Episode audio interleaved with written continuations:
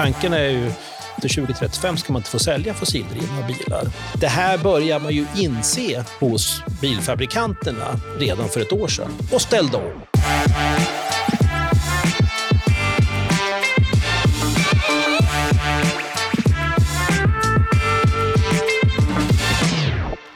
Du lyssnar på Ekonomerna med mig, John Norell, och bredvid mig har jag Ellen Gustafsson. Hur är läget? Jo, det är bra. Tack. Ja. Du är ju ansvarig för miljö och klimatfrågor här på Timbro, men inte så länge till. Du ska sluta här. Ja, Vad ska du göra? dessvärre. Eh, jag ska börja som eh, biträdande politisk redaktör på Dagens Industri. Spännande. Mm. Det blir att lägga klimatengagemanget på hyllan, eller? Nej, nej absolut inte. Nej. Utan det kommer följa med även dit. Ja, så man får läsa om det där. Ja, exakt. Mm. För vi har ju tagit upp klimatfrågan ett antal gånger i podden. Eh, bland annat i podden från den 16 juni då vi listade de bästa och sämsta skatterna. Och Då hamnade koldioxidskatten på första plats. Kan inte du förklara så? Varför, varför är det så? Varför eh, är det en så bra skatt? Mm. Nej, men koldioxidskatt, eh, eller om man säger så, prissättning av koldioxid, är inte riktigt som, som andra skatter. Eh, de stör inte ekonomin Eh, så som, som många andra skatter gör, utan det får snarare ekonomin att fungera bättre. Eh, och Det beror helt enkelt på att koldioxidutsläpp medför kostnader för samhället som eh, inte naturligt syns i priserna på marknaden. Och, och, Det är helt enkelt i form av att koldioxidutsläpp bidrar till global uppvärmning eh, och klimatförändringar och det medför då kostnader i form av, det kan, kan vara översvämningar eller skogsbränder och eh, risk för människors liv och hälsa. Och Det här behöver man ju då hantera på något sätt och genom att sätta ett pris på koldioxid så får man då marknaden att fungera bättre för att man då tar hänsyn till de här kostnaderna som koldioxid innebär för, för samhället i stort. Så man kan säga att det är ett sätt att använda marknadsekonomin i miljöns tjänst helt enkelt. Mm. Vi vill att alla kostnader ska inkluderas i, i priserna. Eh, och Det låter ju väldigt bra i teorin i alla fall. Men frågan som uppstår då är ju hur man faktiskt gör för att räkna ut hur stor är kostnaden eh, som jag orsakar på andra människor i samhället, på hela jordkloten, klotet, eh, genom att släppa ut, säg ett ton koldioxid eh, i atmosfären. Eh, och Det är vad vi ska ägna då det här avsnittet åt. Och Då har vi en gäst, John Hassler. Välkommen hit. Tack så mycket. Du är professor i nationalekonomi eh, på Institutet för internationell ekonomi på Stockholms universitet. Det stämmer. Eh, och med särskilt fokus på just klimatekonomi. Mm. Och under tiden jag gjorde min master så gick jag en kurs eh, som du höll i, i just klimatekonomi. Och En av de sakerna som jag tog med mig då var att ett globalt pris på koldioxid, det är inte bara tillräckligt och nödvändigt för att hålla nere temperaturförändringarna, utan det är också det mest effektiva sättet att göra det på. Kan du förklara? Ja, det är som, som Ellen sa nödvändigt att man får betala när man släpper ut uh, koldioxid. Och, eh, det sättet som jag brukar uttrycka det på är att vi har lärt oss från naturvetarna att eh, så länge vi fortsätter att släppa ut så kommer temperaturen att fortsätta att gå upp. Och eh, när vi slutar vid något tillfälle så stabiliseras temperaturen ungefär på den nivån. Och, eh, om vi då vill hålla oss under en viss temperatur, en och en halv eller två eller vilken temperatur som helst, så kan man bakvägen då räkna ut ungefär hur mycket koldioxid som vi kan släppa släppa ut fram till dess. Ehm, och då tänker jag att Eh, man kan se då den mängd som vi som världsmedborgare totalt sett kan tillåta oss att släppa ut som en naturresurs som det finns en begränsad mängd av. Och eh, eh En sak som man kan lära, lära, från historien det är att om det finns en naturresurs i begränsad mängd så får det inte vara gratis att använda den hur mycket som helst för vem som helst. Eh, och Det gäller träd i skogen, det gäller fisk i havet. Um, och, vi måste sätta de här gränserna. Det kan inte få vara gratis att utnyttja den här naturresursen. Så därför är det nödvändigt kan man säga. Och, eh, ehm, sen visar det sig att ska man göra det här liksom på ett effektivt sätt så ska det vara ungefärligen samma pris överallt. Därför att det här är liksom en global naturresurs. Um, och, uh, och därför blir det um, oekonomiskt om den är väldigt mycket billigare på ett ställe än på ett annat ställe. Sen visar vår forskning att det behöver inte vara exakt, uh, men det går inte att klara sig uh, eh, utan att man åtminstone har en hyfsat högt pris överallt då, på den här naturresursen.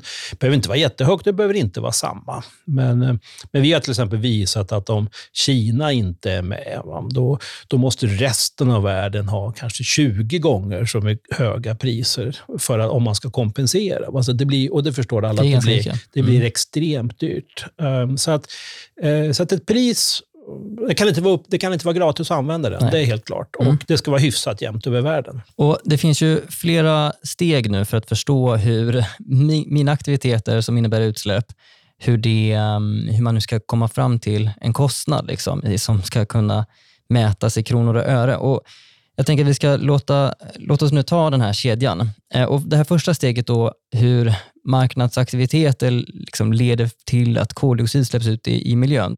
Och Vad är då de största utsläppskällorna i världen? Är det liksom jordbruk och transport?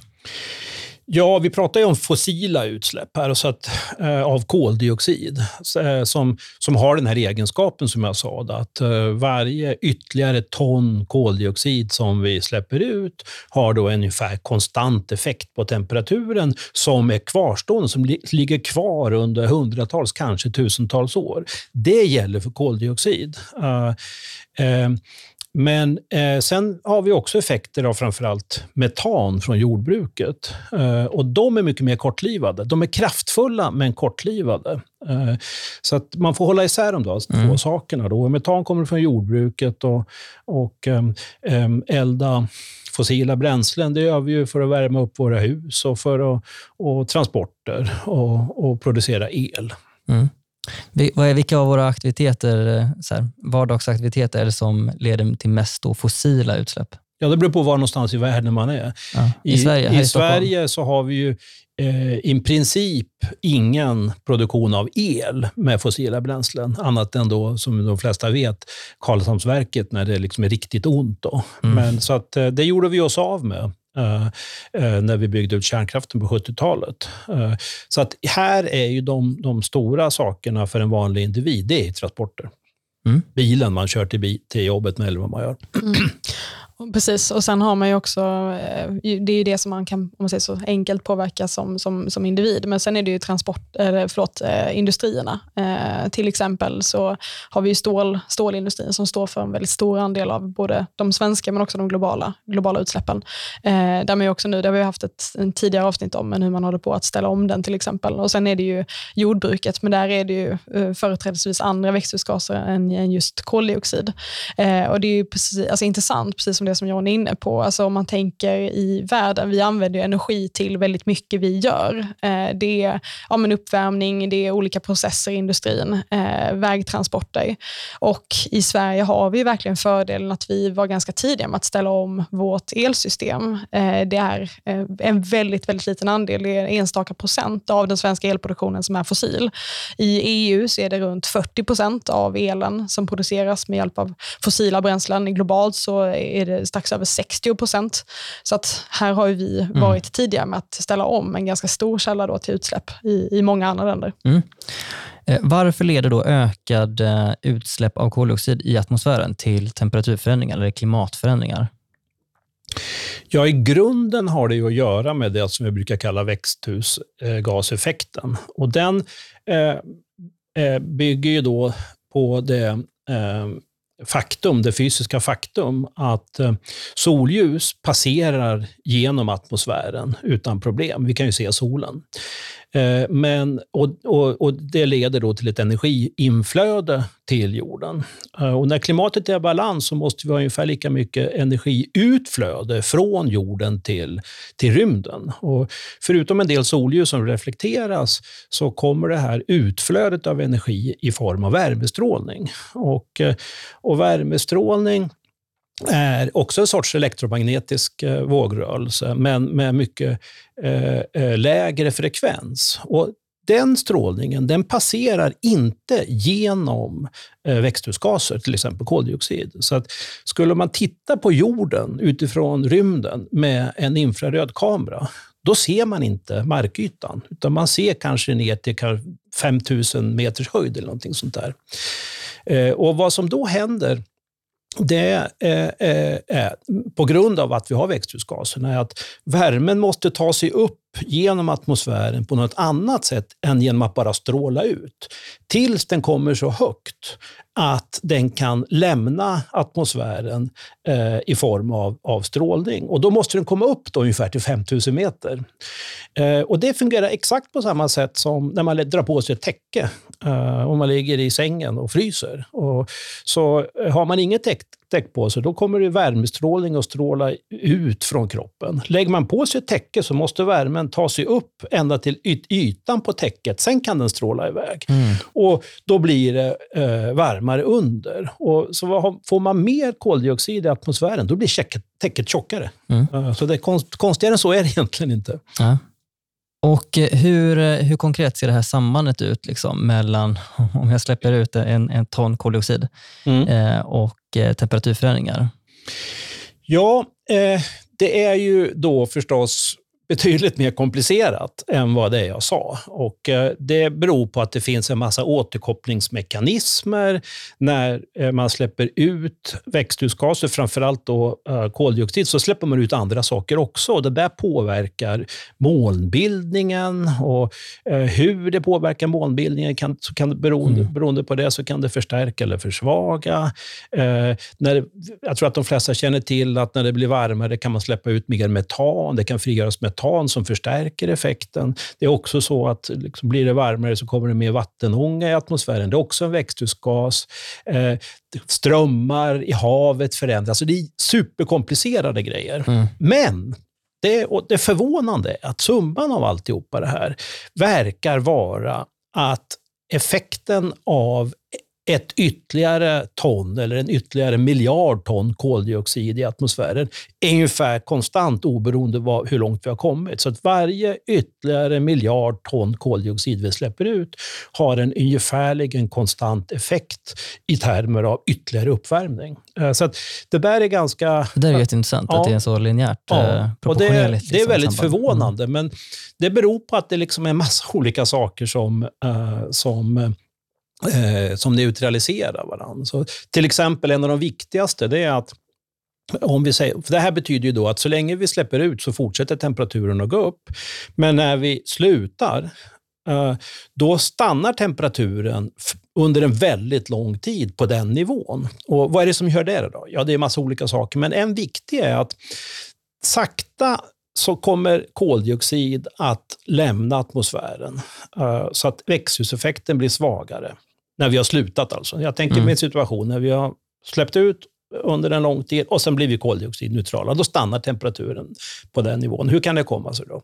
Jo, det beror på att temperaturen eh, eh, eller koldioxidhalten i atmosfären, den faller sakta med kanske en halveringstid på några hundra år. Eh, och Det betyder att växthuseffekten blir svagare. Samtidigt så är det så att den eh, avkylande effekten av, från haven, den avtar över tid uh, beroende på att haven värms upp. Och De där två processerna drar ju åt olika håll och är ungefär lika snabba som tar ut varandra. Okay. Koldioxiden hamnar i havet istället? Koldioxiden hamnar i havet, men det spelar egentligen ingen större roll för det här med uppvärmning. Utan mm. det, eh, växthusgaseffekten eh, blir långsamt svagare över tiden vilket har då en, en, gör att liksom det blir mindre uppvärmning. Eh, men å andra sidan blir den avkylande effekten av världshaven svagare och svagare. Mm. Och det där visar sig att det tar ut varandra. Och, eh, och, och, och det är ett antal sådana där saker som gör att det är proportionellt. Ja.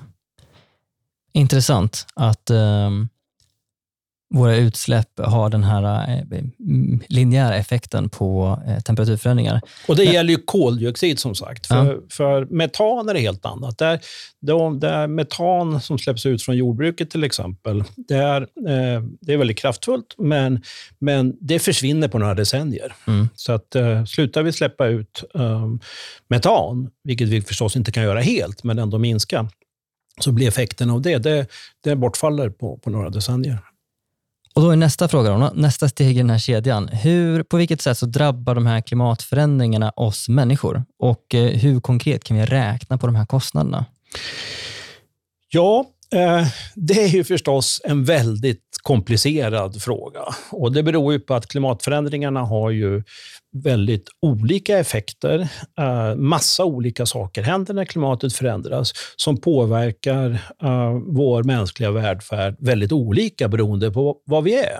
Eh, Eh, och eh, så tittar vi på Europa till exempel. Så, menar, får vi en global uppvärmning så, så påverkar det temperaturen förstås här också. Eh, vi får mer nederbörd i vissa delar, men på andra delar av Europa så blir det torrare. Eh, vi får mer översvämningar. Vi får eh, förmodligen mer stormar, även om det är lite mer oklart. Eh, regnvädren blir starkare. Eh, hur det där påverkar oss uh, beror ju som sagt på vad vi är och de bästa gissningarna skulle jag säga att här uppe i norr, så de här mekanismerna som vi är hyfsat säkra på, de påverkar oss inte så jättemycket här uppe i norr. Uh, det finns ett antal olika effekter som drar åt lite olika håll och summan av kardemumman är om man ska ta den bästa gissningen, att det kanske inte har så stora effekter. Mm. Större effekter i, i södra Europa.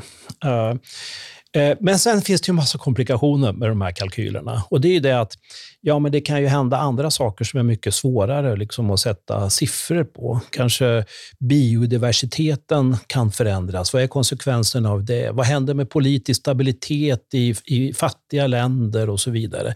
Där är det väldigt mycket svårare att sätta siffror på saker. Och om man dessutom tänker sig att det här är ju förändringar i klimatet som jag sa kommer att vara permanenta under hundratals år.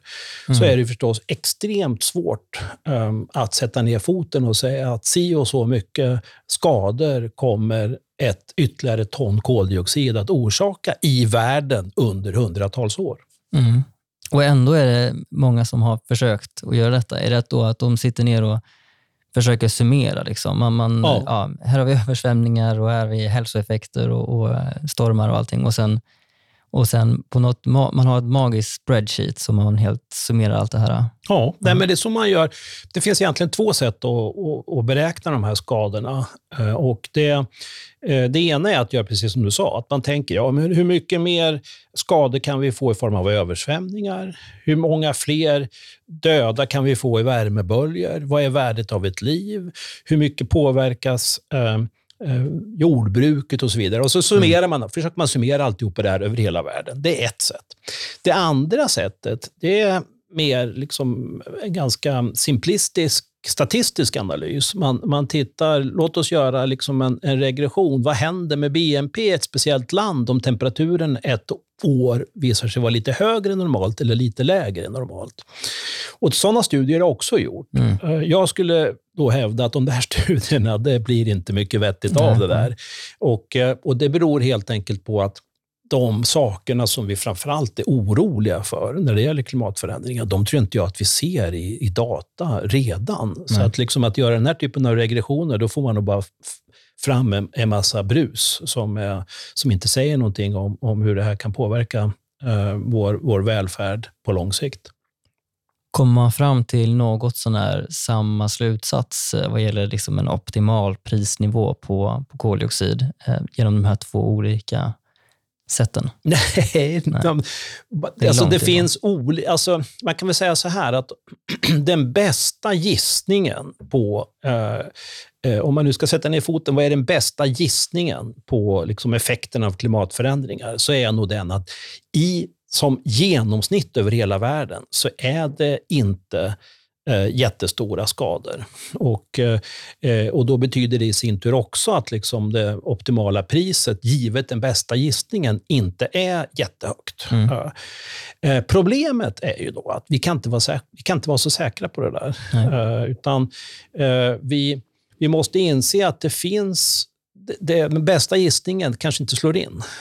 Utan det kan mycket väl vara så att, att det blir betydligt värre än vad vi, vad vi, eh, vad vi tror. Och, och ibland kan det vara väldigt konkreta saker som vi pratar om. Jag menar, jag, när jag pratar med mina naturvetarkompisar eh, som är forskare, professorer på, på, i meteorologi och så, då säger de att det som de kanske är mest oroliga för, om vi får, säg, tre graders uppvärmning globalt, det är att eh, mot slutet av det här århundradet så får vi under då ovanliga värmeböljor i Indien, så kommer det att vara så varmt eh, under några veckor att det är fysiologiskt omöjligt att vara utomhus mer än någon timme. Mm. Och Vad blir konsekvenserna av det där? Ja, det beror ju på till exempel sådana saker som har man tillgång till traktorer med aircondition, ja då kan man åtminstone fortsätta med jordbruket kanske. Ja.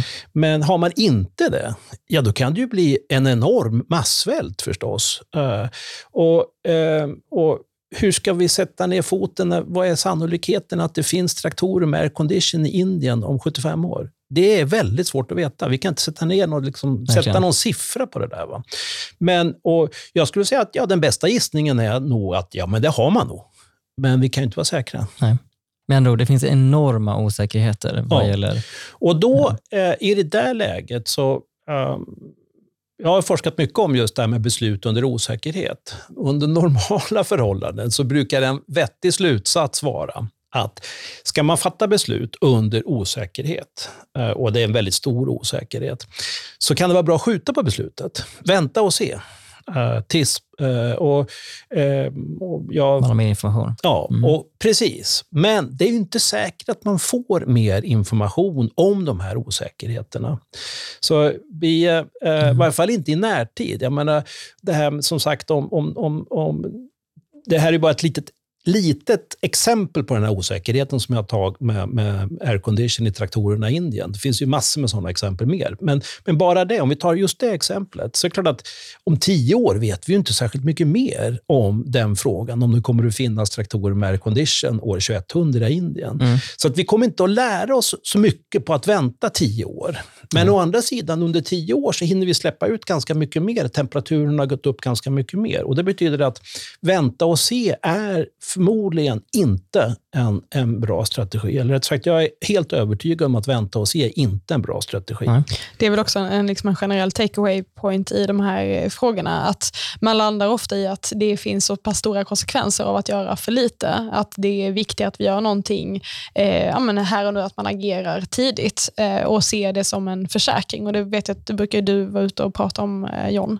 Eh, att klimatpolitik är i grund och botten en försäkring mot, mot de här stora osäkerheterna. Mm. Och då, så att, då, så man, liksom, om man nu inte väntar och ser en bra strategi, då, då brukar det rätta vara att försöka leta efter ett eh, beslutsalternativ som då har egenskapen att det blir någorlunda okej okay, oavsett vad som visar sig vara rätt. Uh, och Det brukar man kalla för en robust politik. Uh, det är inte säkert att det finns en robust politik. Det kan också vara så att man är i en situation med ett lömskt problem, som man brukar säga, wicked problem. Och Ett sånt problem det, det, har egenskapen då att man vet att det är nästan omöjligt att veta vad som är rätt, men gör man fel så går det åt helvete. Och det är ju inte så roligt.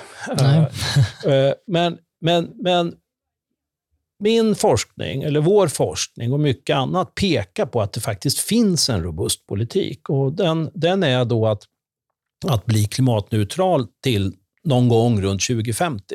Det går inte att bevisa att det där är väldigt värdefullt, men men om det i efterhand skulle visa sig att ja, men vi kunde ha väntat något decennium eller två, så spelar det inte så himla stor roll. Men om det visar sig att ja, men klimatkänsligheten och alltihopa det här är hög, eh, då kommer det att visa sig att ja, det var tur att vi gjorde det där ja, i varje fall. Men om vi nu tänker, eh, vad är den svenska koldioxidskatten på idag? 1200 kronor per ton ungefär. Ja. Eh, hur mycket står det liksom i relation till den optimala liksom, i teorin, eller det som, det som forskare kommer fram till? Ja, men jag skulle säga så här att är det för mycket eller för lågt? Eller är det, liksom det är nog ungefär? ganska lagom ungefär, skulle jag säga. Och, eh, nu har vi ju i, precis innan jul inom EU kommit överens om att vi ska införa utsläppshandelssystem för i stort sett all koldioxid.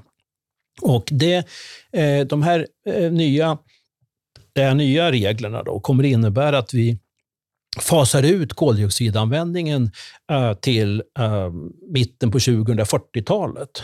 Uh, och Det tycker jag är en bra politik. Och, men då kan man ju titta på utsläppshandelspriserna. Mm. De, de, har ju liksom tagit in det här och de ligger ju idag på ungefär 80 euro per ton koldioxid. Så vad blir det? 900 kronor ungefär. Så lite lägre. Och de, eh, kan, kan, du inte förklara lite skillnaden mellan om man har ett utsläppsrättssystem eller om man har eh, liksom en, en, direkt skatt för mm. att prissätta? Ja, så en, en, ja, en skatt förstår ju alla vad det är. Att eh, man, man bestämmer ett visst pris på uh, utsläppen. Eh, ett utsläppshandelssystem Eh, det fungerar så att man ger ut från den beslutande myndigheten, i det här fallet EU-kommissionen, då, så ger man ut utsläppsrätter eh, och de kan man antingen dela ut gratis eh, eller auktionera ut. Och I verkligheten i Europa så gör man båda. Eh, och varje utsläppare som är med i det här systemet då måste leverera in en sån utsläppsrätt för varje ton koldioxid som man släpper ut. Eh, och de här, som sagt, de här utsläppsrätterna de, de kan man antingen få tag på genom att eh, man har fått dem, eller man kan köpa dem på en marknad eller genom en auktion. Och Det som skiljer ett sånt system från att bara ha en skatt, det är ju att den som ger ut utsläppsrätterna, i det här fallet då EU-kommissionen, eh, vet exakt hur många utsläppsrätter man ger ut, så man får precis kontroll på mängden eh, utsläpp. Och eh, Det här nya som vi har kommit överens om nu i EU från, från december, det är väldigt ambitiöst får man säga. Det kommer att innebära att vi, varje EU-medborgare, om man tar i genomsnitt, då, kommer att få möjlighet att släppa ut en 60-70 ton koldioxid fram till vi blir koldioxidneutrala. Och skulle resten av världen göra samma sak, eh, då, då skulle vi vara... Då är vi hemma. Ja, då är vi hemma. Mm.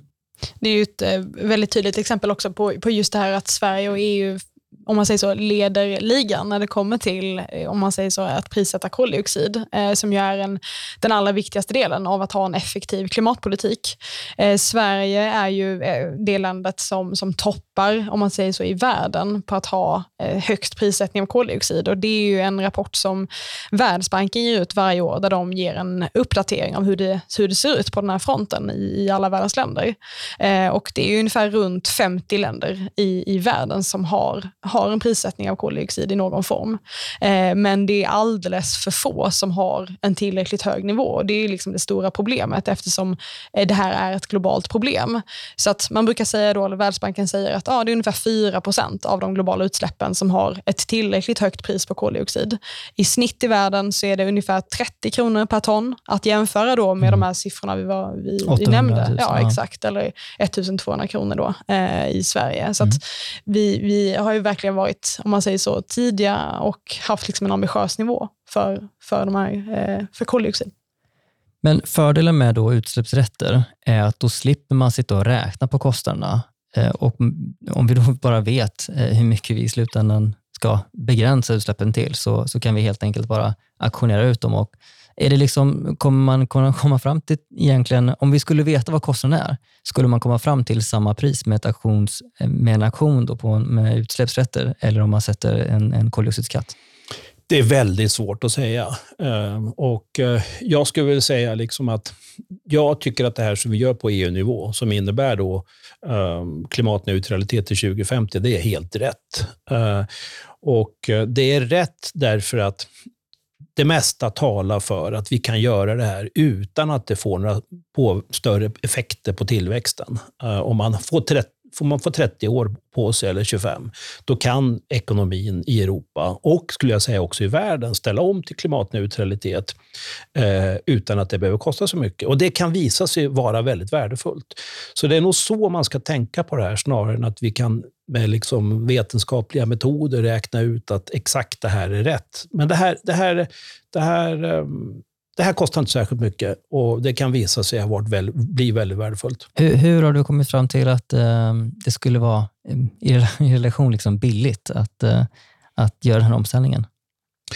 Ja, alltså det, eh, det, är ju inte bara vi, utan det är ju också EU-kommissionen e i sina prognoser för, för, tillväxt och så vidare. Och IMF har också ganska avancerade ekonomiska modeller där man liksom kan se vad händer om man gör en omställning eh, med, med tillväxten. Och, eh, och det visar sig att skulle man göra det väldigt snabbt, liksom att fasa ut koldioxid snabbt, ja då får vi sådana effekter som vi har sett nu. Eh, när man då ändå, eh, ja, som på grund av att eh, Putin skruvar ut gaskranarna, då får det väldigt stora konsekvenser. Men får man några decennier på sig, då, spel, då är det inte så svårt. Och, ehm, och, Vi ser ju också att nu när en annan, ett annat, eh, en annan viktig politik som man också kom överens om här nu under hösten förra året var att eh, eh, fasa ut försäljningen av fossildrivna bilar. Så tanken är ju att man från 2035, eller beslutet redan är då, att efter 2035 ska man inte få sälja fossildrivna bilar.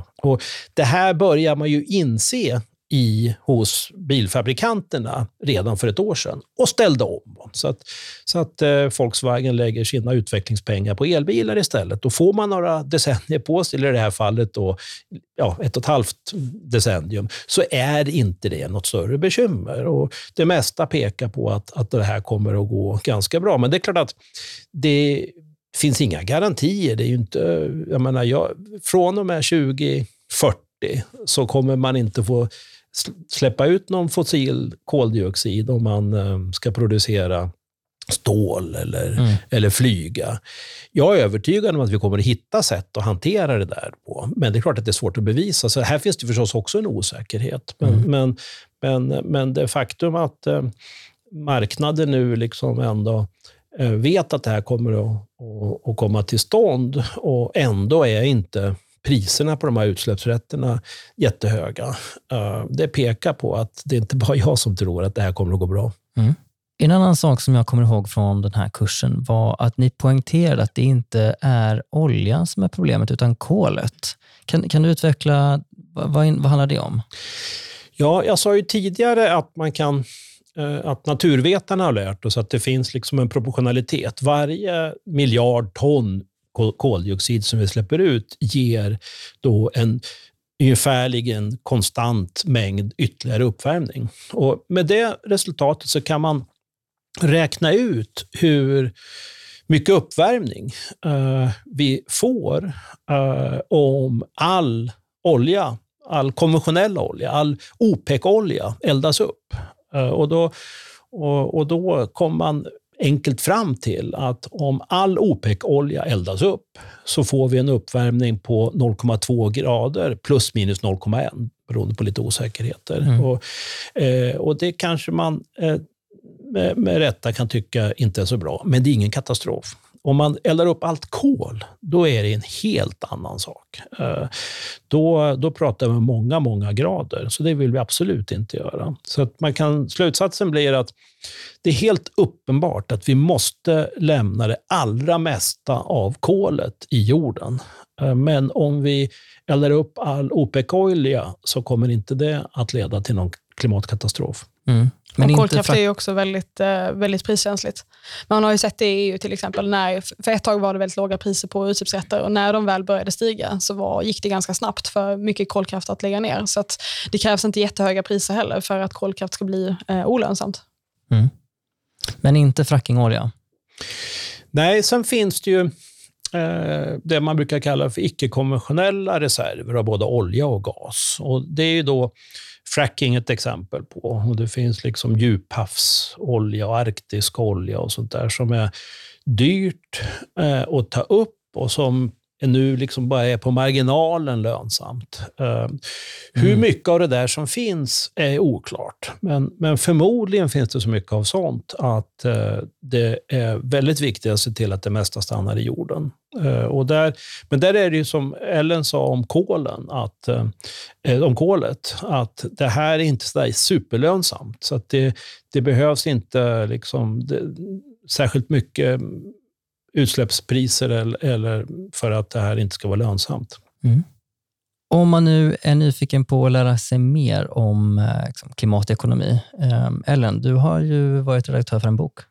Ja, precis. Eh, vi gav ut antologin då Grön kapitalism i somras och där samlar vi ja, tio författare som skriver på olika teman eh, av vad som, vad som är en bra, effektiv eh, klimatpolitik från, från höger om man säger så. Och där just prissättning av koldioxid är ett av teman som, som behandlas. Så att om man är intresserad av varför kapitalism och fria marknader och fria företag är, är bra och nödvändiga för klimatet så är det ett hett tips att eh, beställa och läsa den. Mm. Och eh, John, om eh, man som läsare vill lära sig mer om det här ämnet, vad, vad, vad har du för tips då?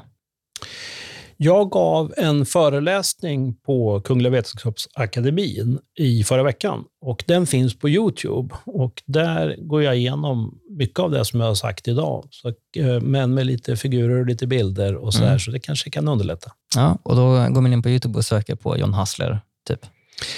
Man kan nog enklast gå in på KVA, Kungliga Vetenskapsakademin. Ja. Eh, tack så jättemycket John och Ellen för att ni var med mig här i podden idag. Stort tack. Tack. Du har lyssnat på Ekonomerna med mig, John Norell. Om du gillade det här avsnittet, se då till att prenumerera på oss i din poddapp och tipsa om podden för dina vänner och bekanta. Följ oss även på sociala medier. Vi heter Ekonomerna podd på Twitter och Instagram. Ekonomerna är en podd från tankesmedjan Timbro och kommer ut varje torsdag. Tack för att du har lyssnat. Thank you.